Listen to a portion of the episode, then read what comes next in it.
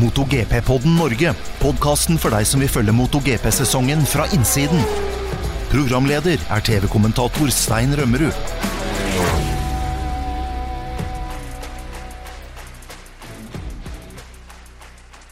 Velkommen til en ny episode av MotoGP-podden Norge. Vi har kommet til nummer 45. Og i dag Karoline Olsen og Dag Steinar Sundby er med, og jeg heter Stein Rømmerud og er programleder. Karoline, velkommen. Tusen takk. Og Dag Steinar også. Godt å ha dere med. Jo, takk for å være med. Og nå er det like før det braker løs. Vi tar opp dette på kvelden den 30. januar, og allerede om to dager, 1. februar, så er det shakedown-test i Sepang. Så det skal vi snakke om. Men det er også veldig mye annet som har skjedd siden sist. Vi skal bl.a. få en oppdatering på siste nytt om dekktrykk. Det går litt rykter om Argentina og fremtiden, og ikke minst også USA. Det er et par baner i Europa som har blitt bygget om, det skal vi snakke litt om. Og ikke minst så blir det 40% fossilfri innblanding på drivstoffet i 2024. Det må vi også innom. Og så har det selvfølgelig vært en World Superbike-test i Portimao, der det plutselig dukka opp både én og to og tre MotoGP-førere på superbike-sykler. Og eh, antageligvis en av verdens raskeste track days har blitt gjennomført eh, der. Vi har en del nytt og spennende å snakke om derfra. Så det er masse å eh, kaste oss inn i. Så dere er klare. Vi, vi kunne selvfølgelig også ha snakka om både isracer med crossere, Dag Steinar, og i det hele tatt veldig mye annet. Men vi får holde oss på topic i dag. Vi får gjøre det. Dag Steinar er fortsatt bitter for at han ikke ble invitert. Altså. Det er bedre å holde stemninga oppe. ja, det er sant det. Men det er siste runde på is er jo ikke kjørt ennå. Men, men, jeg må jo faktisk uh, si at uh, jeg er veldig fornøyd altså, med å kjøre elektrisk crosser så langt. Det går bedre enn forventa. Og jeg har allerede tryna med den. Ja. Ingen, men det ble ikke sykehus, da, så da er vi fornøyd. Det kunne jo fort ha blitt det. Om de ikke ødela deg på den batteripakka, så hadde vi sikkert klart å ta til kragebein, du òg. Det kunne jeg sikkert ha klart, men jeg klarte å klinke den nye Shoa-hjelmen min sånn ordentlig godt ned. Men det gikk bra, den virka, og hjernen er like dårlig som ellers. Uh, vi får, skal, vi, skal, vi, begynne med den World Superbike-testen som var i Portimao? Fordi det har jo nettopp skjedd. Og ja. jeg tenker jo at vi kanskje bør ha en egen World Superbike-episode ganske snart. For det er ikke så lenge til det braker løs, og da burde vi kanskje invitere inn Chris Sæther, som kommenterer uh, World Superbike på Eurosport. Men uh, Eh, for et felt vi har i år i eh, World Superbike. Eh, vi så jo den testen som ble kjørt nå. Vi kan jo først begynne med de ordinære førerne. Toprak Rask Atlioglo. kjører nå BMW, var raskest av samtlige. Nicolo Bulega er der med en Ducati. Han var nest raskest. Alex Lowe's kjører nå en Cava og var tredje raskest. Remy Gardner kjører Yamaha, han var fjerde raskest. Og Mike van der Mark, også han på en BMW, på femte foran Locatelli og Johnny Ray, som har kjørt Cava i alle år, kjører nå Yamaha begge to på sjette og sjuende. Eh, litt av et felt. Ja, det er helt utrolig. Så eh, det blir en spennende serie å følge det også. Og Alvaro Baustista, som var helt dominerende i fjor, han var, uh, han var ikke helt der oppe nå. For har jo fått uh, litt tilleggsvekt nå, fordi han var så dominerende i fjor. Han var nede på 16. med sin sykkel nummer to. Han um, sliter også litt med skader etter ja. testen etter sesongen i fjor. Han sliter med vondt i eh, nakke og rygg, så jeg tror ikke han er helt 100% på de testene her. Og jammen dukka det opp en eh, Ducati med start nummer 29 også. Ja, han er eh, rask som var det, da. Han eh, er jo der oppe, han også. Var jo femte på ene, ene dagen der, eh, Janone. Andrea Janone. Ike Lekona er med.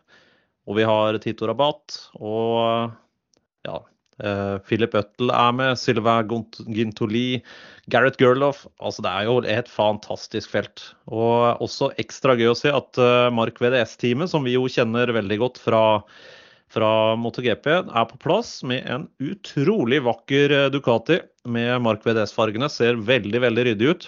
Og to brødre nå også, Alex og, eh, Sam. og Sam er på plass der.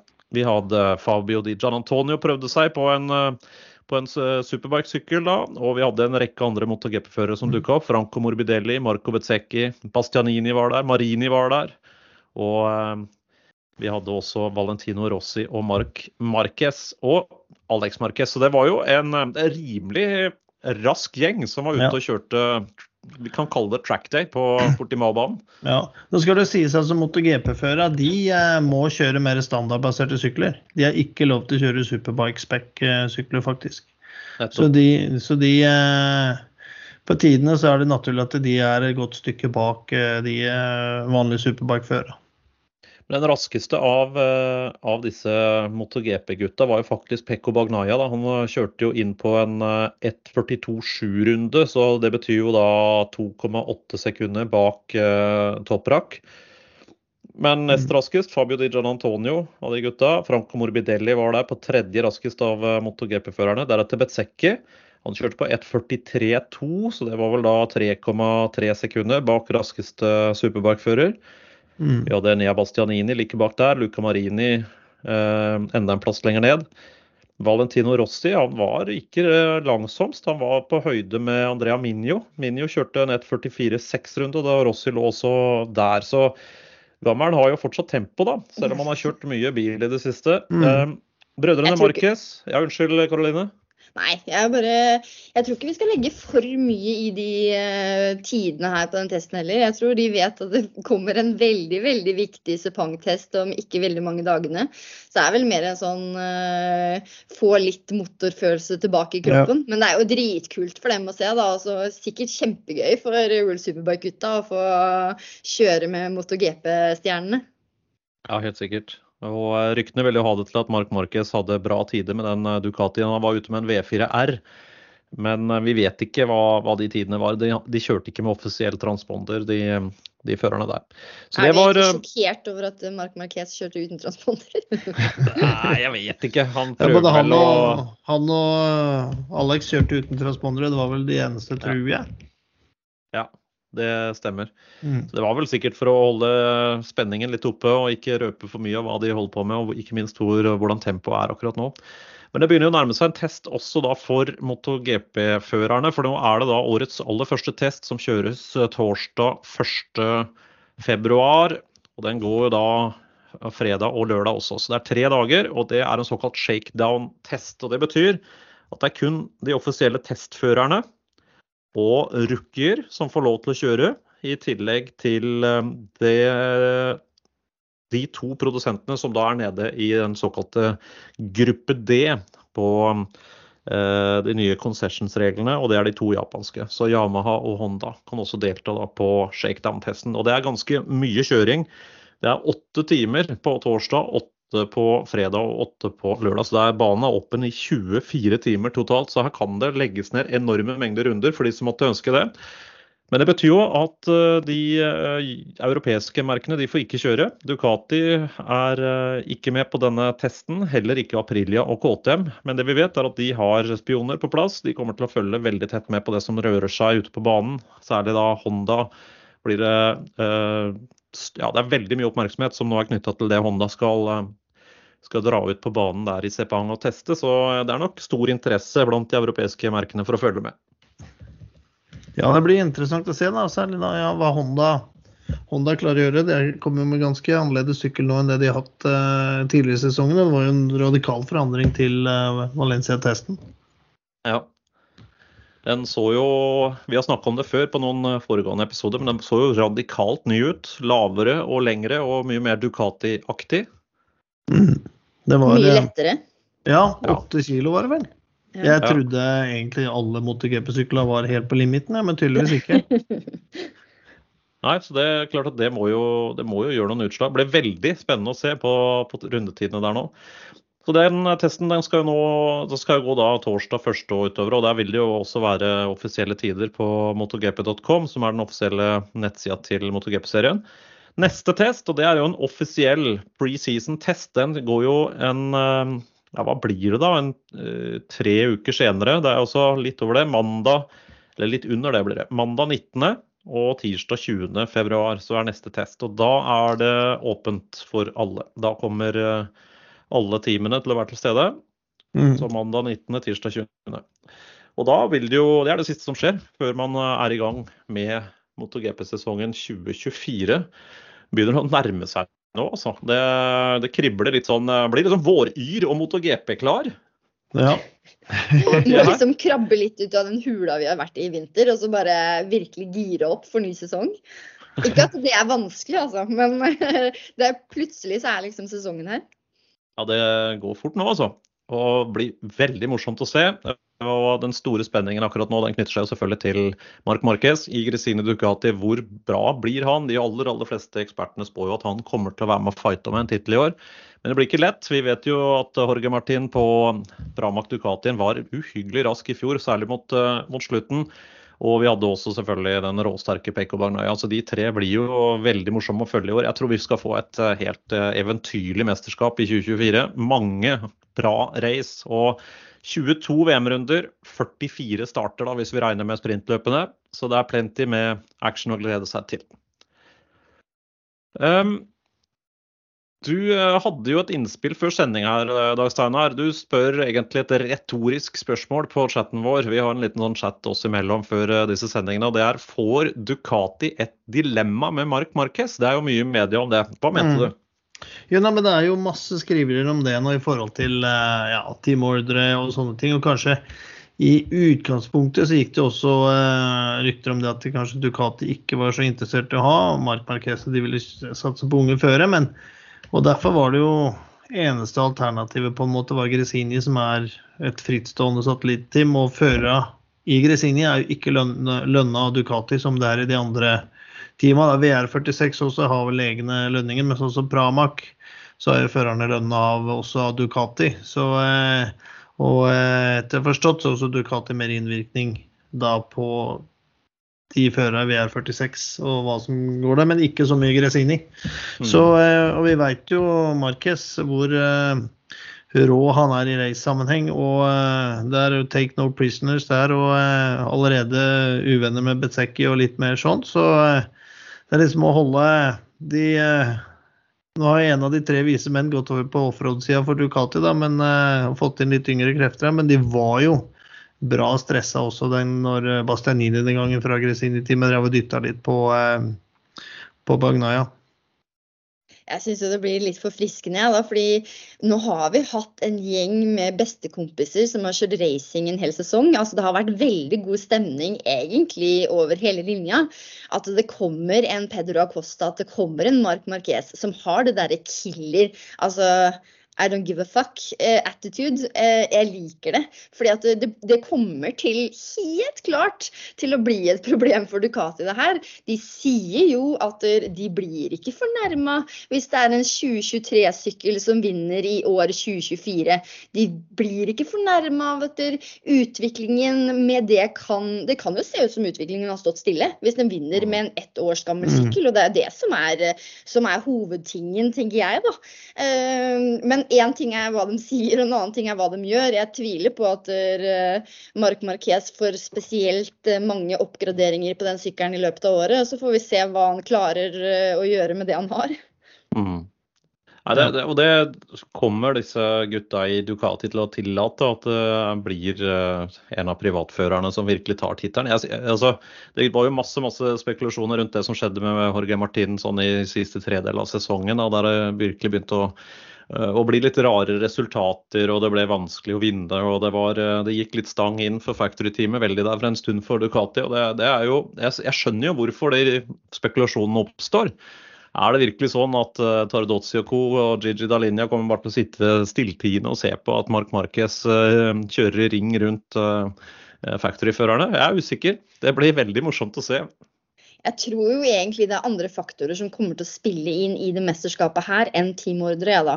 Fordi det er 22 løpshelger, 22 eh, hovedløp, 22 sprintrace. Altså, jeg tror det blir eh, den som klarer å holde seg skadefri, klarer å holde seg på hjula, klarer å holde seg uten de nullpoengerne og de horrible resultatene. Så tror jeg også at det med eh, dekktrykk kommer til å spille en mye større rolle i år. Hvordan blir det håndhevet? Eh, og jeg tror at der, eh, Ja, jeg bare har litt på følelsen av at der, eh, det kommer til å være andre ting da, eh, enn Ducati-teamordre som, som, står eh, først i rekka. Men det er klart, det kommer jo til å bli spekulasjoner. Mm. Ja, det gjør jo det.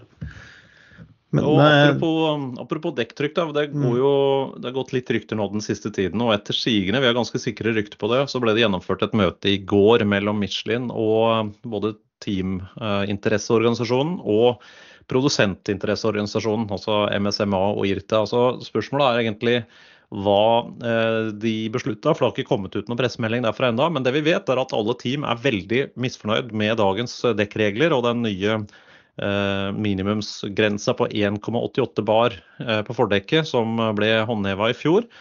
Og i år blir det jo enda strengere. Hvis man er under den grensa da over halvparten av løpet, så vil man faktisk bli diska. Og det er jo ganske radikalt. Det vil jo kunne påvirke resultatene i løpene, og dette er noe man gjerne vil Eh, utfordre. Michelin sier at de vil ikke senke den grensa noe særlig mye lenger. De har allerede sett, mener de, da, eh, at enkelte dekk har fått eh, skader på, på stammen fordi førere har kjørt med for lavt dekktrykk. og Konsekvensene av et dekk som enten delaminerer eller blir ødelagt i de voldsomme hastighetene vi ser nå, de er for store. Michelin mener at PR-effekten av det er så negative og det er så stor risiko for førerne at de er ikke villige til å kompromisse på den sikkerheten.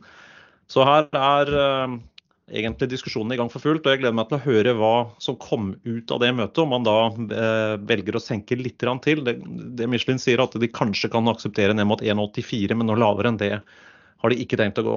Karoline? Altså, jo, vi risikerer jo at racinga blir passiv, da, fordi at man har lyst til å unngå feil. Eh, si at du bremser deg ut etter langraka på Jerez og du havner dritlangt bak, og du bruker mange runder på å hente deg opp igjen. Dekktrykket ditt faller under grensa, og du blir rett og slett diskvalifisert når du kommer bakfra fordi du ikke ligger i slipstim med noen andre. Eh, jeg tror at der, eh, at der, eh, førere vil kjøre mer innafor limiten. Og det har allerede vært en del snakk om at det er for lite forbikjøringer, at det har ødelagt mye. da. Så jeg tror at der, eh, Michelin kan si hva de vil, men til syvende og sist er det her en underholdningssport eh, som du ikke kan på en måte snevre inn mer enn det de allerede har gjort. Mm. Nei, og Det blir jo litt bingo også, da. Som du sier, da. Hvordan, de, det er helt umulig å beregne da i, i, forhold til eh, hvor du kommer til å havne igjen i, i racet også. At man da ja, vi vil tro at vi klarer å ta starten og være først, så vil alt være OK. Men uh, blir det fighting, som du sier, da, så er det jo uh, høy risiko at lufttrykket blir for høyt igjen, som vi har sett. da. Og, uh, og føreren må slippe seg litt bak igjen da, for å, for å kjøle ned fordekket. Mm. Det er mange faktorer å ta hensyn til her. og jeg er enig med deg, det er klart De kan jo alltids lage gode tabeller på hva dekktrykket Eh, hva som skjer med dekktrykket gjennom et løp. Hvis de vet at nå er det 40 grader i asfalten, vi skal kjøre 20 runder. Da har de ganske bra koll på det, men det er jo hvordan løpet utvikler seg som man ikke aner. og Blir man da liggende bak to-tre glovarme Ducater og tett oppi slipstream der, så skjer jo voldsomme ting med dekktrykket. Det er jo det teamene vil unngå. Derfor så starter de jo veldig lavt da, og gambler på dette her. Men uh, her kan det fort bli noen overraskelser, og det kan faktisk potensielt påvirke resultatet sammenlagt i mesterskapet også. og Det er jo synd. da. Dette er faktorer som egentlig er litt utenfor førernes eh, kontroll. Og ikke sånn vi ønsker at det skal være. Og I fjor så, så vi til og med at det kom jo beslutninger som følge av dekktrykk lenge etter premieutdelinga. Det er jo ikke noe særlig gøy. Når du har hatt folk på pallen og de har spruta Prosecco og det har vært god stemning, og så går det en halvtime, time til, og så kommer det en pressemelding om at de er blitt eh, flytta nedover, kanskje da i 2024 diska. Sånn kan vi jo ikke ha det helt katastrofe. Eh, og det er jo et mye større dilemma for de som ligger i front. Da. Altså De som hele tida ligger i midtpack, vet jo at de som cirka kommer til å ligge rundt andre førere. Men mm. det er jo de som er der topp tre, topp fire, topp fem hvis vi er heldige, da, som er usikre på kommer jeg til å lede, kommer jeg til å ligge som nummer to, tre, fire. Eh, og det er jo der det blir mer gamble, da, eh, rett og slett. Mm. Og det er jo ikke sånn vi ønsker at et mesterskap skal bli vunnet eller tapt. Nei, helt klart ikke. ikke. Så her får vi sikkert mer nytt etter hvert. Vi får eh, bare følge med på det, så skal vi holde lytterne på den oppdatert på det. Ellers så er det jo andre ting som har skjedd den siste tida. Vi har hatt mange av disse såkalte team-launchene. Det er eh, flere av eh, teamene som har invitert inn presse og sponsorer og andre interessenter til store sånne slipp. Det har vært uh, Ducati-slipp i Madonna di Campiglio. Vi har sett uh, at Aprilia sitt nye factory team, Trackhouse Racing, de hadde en launch i California. Og ganske interessant mye av det som kommer ut fra disse testene. Og jeg syns kanskje det aller mest interessante er å se litt på sponsorer og nye samarbeidspartnere, og ikke minst design. Mm. Det er én uh, ting som jeg beit meg merke i, og det var jo launchen til Gresini, der man så at uh, sykkelen til Marc Marquez den var helt uten Red Bull-logoer. Men mm. han hadde Red Bull-logo på hjelmen sin, og det tolker jeg dit hen at det er da uh, et samarbeid som fortsetter. Det er en personlig sponsor, men det er ikke gått inn som teamsponsor. Vi så også at Trackhouse Racing, Aprilia sitt nye satellitteam, USA-basert, det er jo et NASCAR-team som nå satser også inn i MotoGP. Vi snakka om det i forrige episode. De var helt renska for sponsorer. De hadde den italienske meieriprodusenten Steril Garda, som vi husker fra tiden med, med Max Biaggi. De hadde store logoer på sykkelen, men bortsett fra det, der er det god plass til sponsorer. Og vi hører jo at uh, de jobber veldig aktivt nå med å få inn globale superbrands på sin sponsorliste. De er i hvert fall rågode på, på, PR og storytelling, som eh, teamet kaller det selv. Så får vi se om de klarer å få noen, eh, noen store sponsorer på, på kroken fremover. Karoline? Nei, De har jo ikke hatt uh, all verdens med tid, så jeg tenker at uh, det er jo fortsatt muligheter uh, frem mot sesongstart. og det virker ikke som et team som på en måte er her for et år eller to. Jeg tror de tenker langsiktig. Så det at de får på plass langsiktige samarbeidsavtaler, tar jo lengre tid enn sånne litt sånn korttjente penger, holdt jeg på å si. Så jeg tror at det, det trenger ikke nødvendigvis være et negativt tegn at de ikke har de helt store logoene på plass helt ennå. Nei, jeg er helt enig i det. Altså, det virker som de jobber langsiktig og vil prøve å etablere virkelig noe bra team. Eh, som, de jobber jo også veldig for å få flere race i USA enn det, det, som vi allerede har der. Mm. Ja, det er jo en eh, teameieren der som heter Justin Mark, som uh, jeg har hørt flere intervjuer med nå. Jeg, er veldig, jeg, er veldig, imponert over måten han tar dette på. Han er jo en hardcore racing-entusiast. Han har kjørt NASCAR sjøl, men han følger med på alt som er av, av motorsport.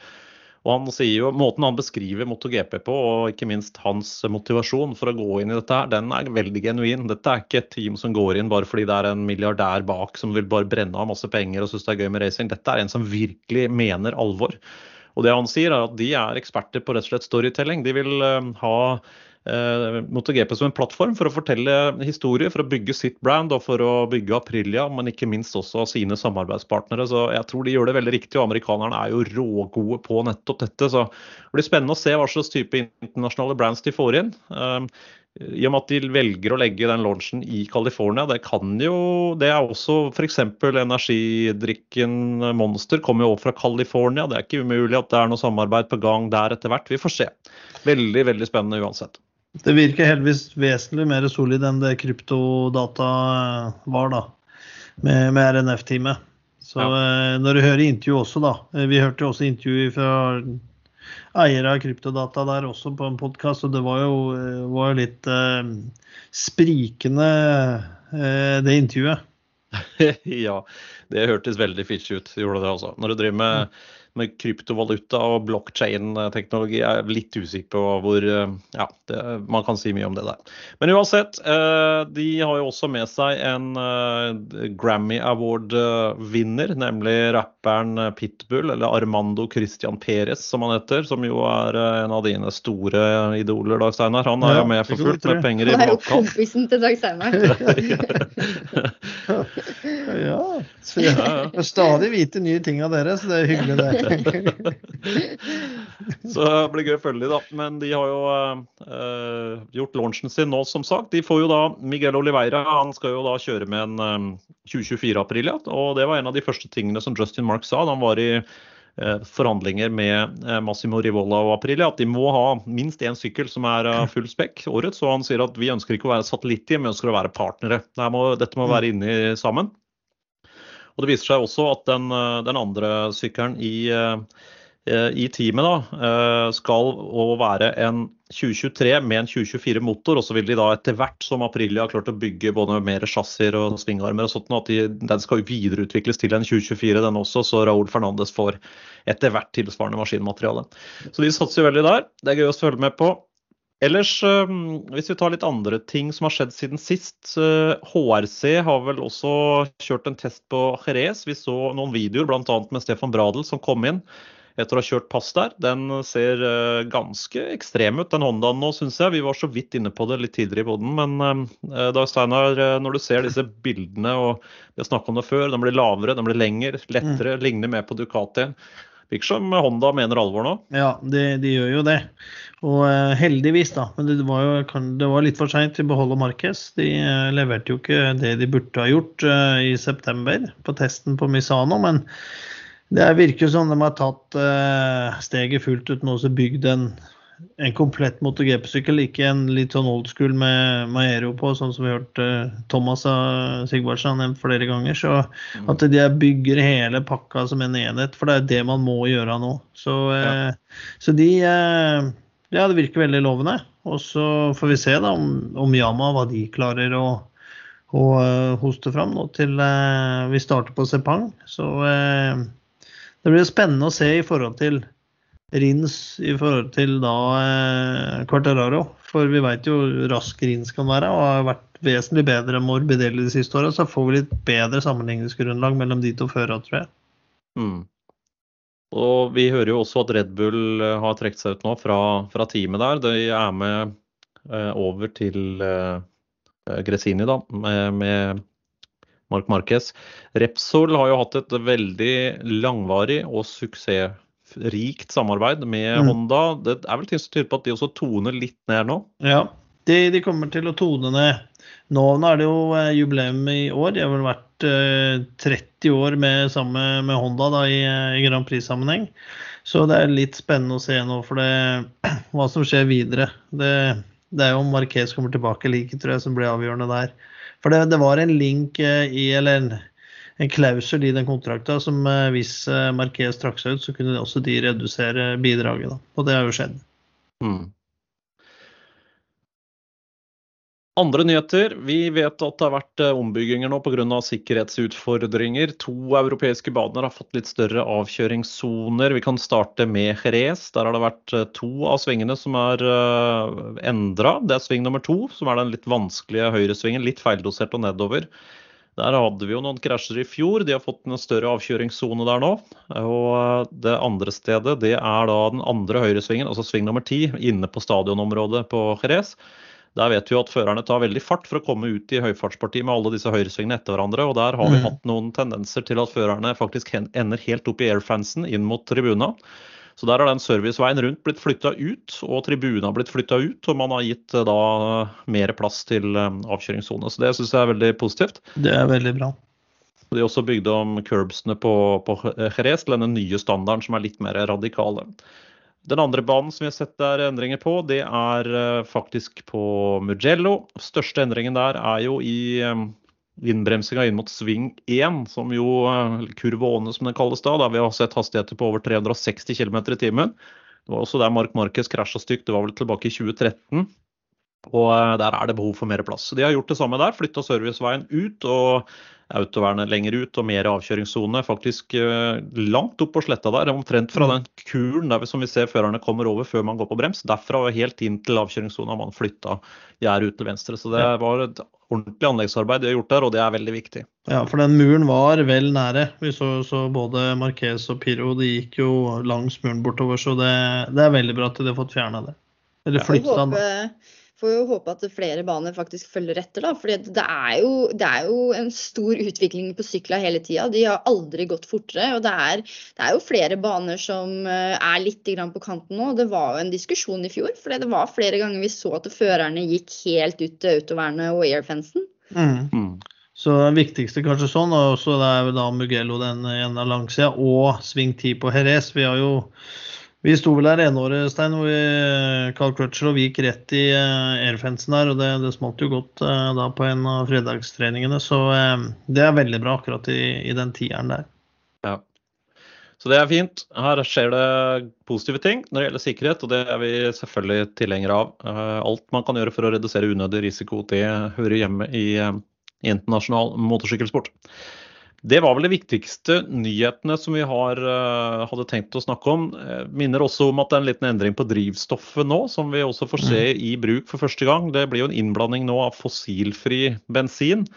Og målet til årene er jo å komme over på 100% fossilfritt. Det skal skje i 2027. Men første steg i retning av det, det skjer i år med 40% innblanding. 40% fossilfri eh, bensin.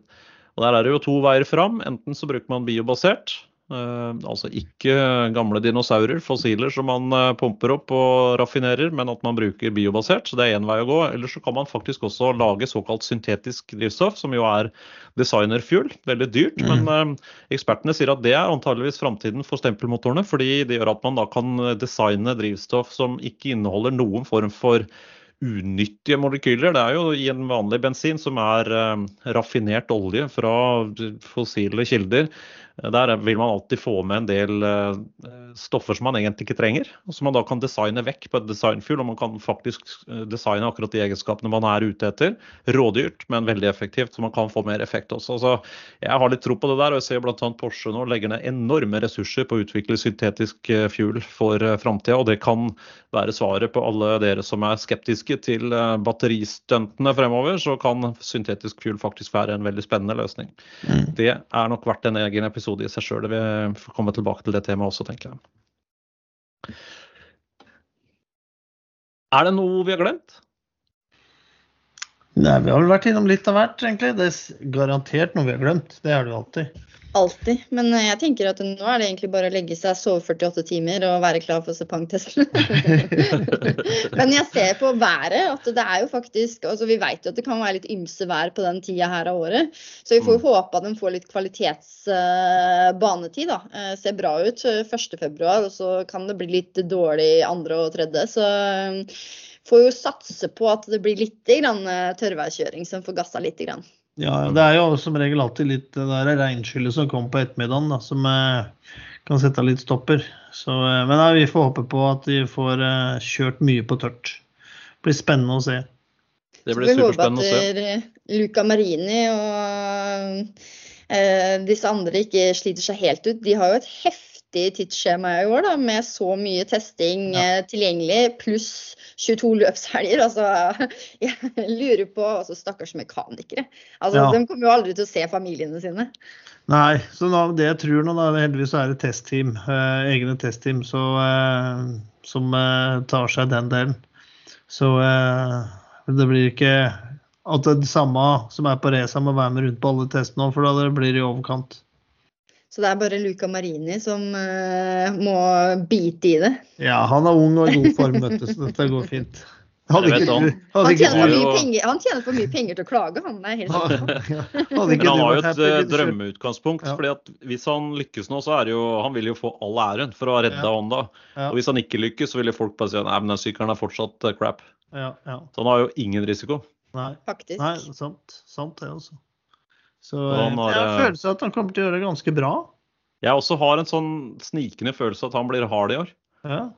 Jeg tror også det. Altså, og jeg tror at nå har jo Honda virkelig steppa opp. Eh, og med de nye concessions-reglene og eh, altså ressursene de bringer til bordet det året her, med en testfører, eller med en fører som Luca Marini. De har Johan Sarko nå. Eh, Johan Mir var veldig fornøyd etter Valencia-testen. Altså, jeg tror det kan være et bra år, altså. Ja, tror jeg også. Det tror jeg, jeg tror, også. jeg, tror, jeg tror ikke Luca Marie, jeg tror ikke Johan Mir eh, han, han, bare fremstår ikke som en killer for meg. Altså han, jeg, jeg, tror at han kommer til å slite. Han kommer til å være litt i skyggen, tror jeg. På det teamet. Altså han, han, vant jo VM sammenlagt i det pandemiåret, første pandemiåret i 2020. og da, Hvis du ser på statistikken, så vant han faktisk bare ett løp det året der. Eh, på en sykkel som funka bra på det, på det, tidspunktet, men han var jevn. Han var høyt oppe hele tiden. Mm. Men han, jeg er helt enig med han har jo ikke kanskje det killerinstinktet. Og så er det en ting til, og det er det at eh, nå er det jo endra også dette med crewchiefer og, og, hvem som jobber for hvem. Så det, det blir mye nytt også for Miri nå. For de har gjort en rokade der nå. De flytta alt av teampersonell over. Ja, for uh, Santi skulle vel jobbe for uh, Mier nå neste år, skulle han ikke det? Ja. Ja. ja. Så det ble også en, en X-faktor. Det ble fryktelig mm. spennende å se. og den den crewchifen som Mir hadde i Suzuki, Franki Carcedi, han som han vant VM med da, han blir jo crewchief faktisk nå for Mark Marquez i ja. Gresini Ducati-teamet. Og han veit hva han holder på med. Ja, det, det gleder jeg meg til å se, det samarbeidet der. Ja. Jeg tror Mark Marquez er jo verdensmester i å senke forventningene til seg selv, men han kommer til å være klar. Han ga seg selv på presselaunchen til Gresini så ga han seg ti av ti. Eh, både på mental og fysisk fitness, og det har han ikke vært på fire år. Eh, og når vi så hva han klarte med Honda i fjor, med to pallplasser eh, altså Han sitter jo på en vesentlig bedre sykkel nå, selv om det er en 2023 versus en 2024 Ducati. Altså, mm. det kommer til å bli rått. Så jeg tror helt ærlig så tror jeg det er litt sånn hvis han klarer å holde seg skadefri. Eh, hvis han klarer ja. å holde seg på sykkelen. Jeg, jeg har litt på feelingen at det er liksom hans år å vinne eller tape. Det er litt opp til han. For hvis han klarer å holde seg på hjula, så tror jeg han kommer til å være styggrask. Mm. Men det begynner jo å haste for han. Han fyller 31 i år. Mm. Så hvis han skal ta den niende VM-tittelen og tangere Valentina Rossi, så tror jeg det må skje i år eller, eller neste år. Så han har ikke sånn veldig mange sesonger til å gjøre det på. så selv om han sier nå at målet her er selvfølgelig å, å være oppe på topp fem og en og annen pallplass, jeg tror han har innerst inne en følelse av at ja. dette kan gå bedre enn det. Vi så jo konturene av det på den testen i Valencia etter siste VM-runde. Da han bare fikk på seg den svarte røde skinndressen og ut og kjørte. og Det tok jo ikke lang tid før han var der oppe. Han var faktisk raskeste Ducati-fører allerede på, eh, midt på dagen der. Mm og kom inn med det lureste smilet. Og vi ja. har jo sett andre førere òg. Altså Jonathan Ray gjør det i år. Han gikk fra Kawasaki til Yama fordi han har hatt det samme teamet rundt seg eh, i mange mange år. og Trenger en ny utfordring, trenger ny motivasjon for å fortsette. Jeg tror det her kan være en skikkelig energiboost for Mark Marc Marquez. Og jeg tror det kan bli veldig farlig for alle de andre. Ja, det tror jeg du har rett i. Jo, han blir jo en utfordrer. Det er helt klart. Han vil jo være med i fighten der. Det er ikke noe tvil om det. Så vi får, vi se hvor dirty han, uh, han blir. De andre har jo vært uh, veldig respektfulle, så får vi se, da. For han er jo, han er jo ikke alltid den som gir mest plass. Nei. Han er jo sånn fører som, uh, sånn fører som skaper følelser, da. Det er jo ja. blant fansene også. Enten så er, hater man Marquez, eller så syns man han er helt rå. Ja. Så han skaper i hvert fall interesse og drama, det er det jo ingen tvil om. Og vi får jo en del svar da i den første eh, ordentlige offisielle testen som skal gå da 6. til 8. februar. Det er jo først da vi virkelig får, eh, får noen svar. Selv om eh, den shakedown som kjøres nå, 1. til 3. Er, er veldig viktig. Jeg har også lyst til å bare minne om sesongstart i World Superbike. Første VM-runden der går på Philip Island 23. til 25. februar, så det er jo litt å glede seg til. Og vi vet jo alle at den første VM-runden i MotoGP den går uh, den andre helga i mars, da. 9. til uh, eh, 10. mars. Det er kvall og sprintløp på den 9., og det er den første VM-runden. En ordentlig Grand Prix går den 10. Og da er det i gang. Så det er ikke så lenge til. Nei, det går fort nå, så er det full gass igjen. Jeg gleder meg.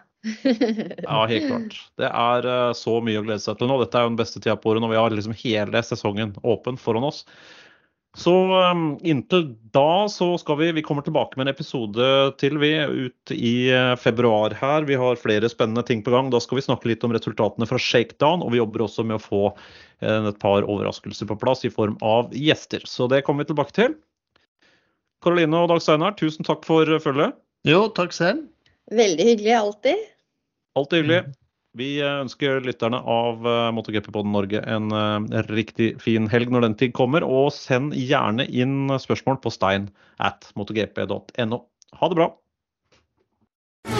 Du har hørt MotoGP-podden Norge med programleder Stein Rømmerud.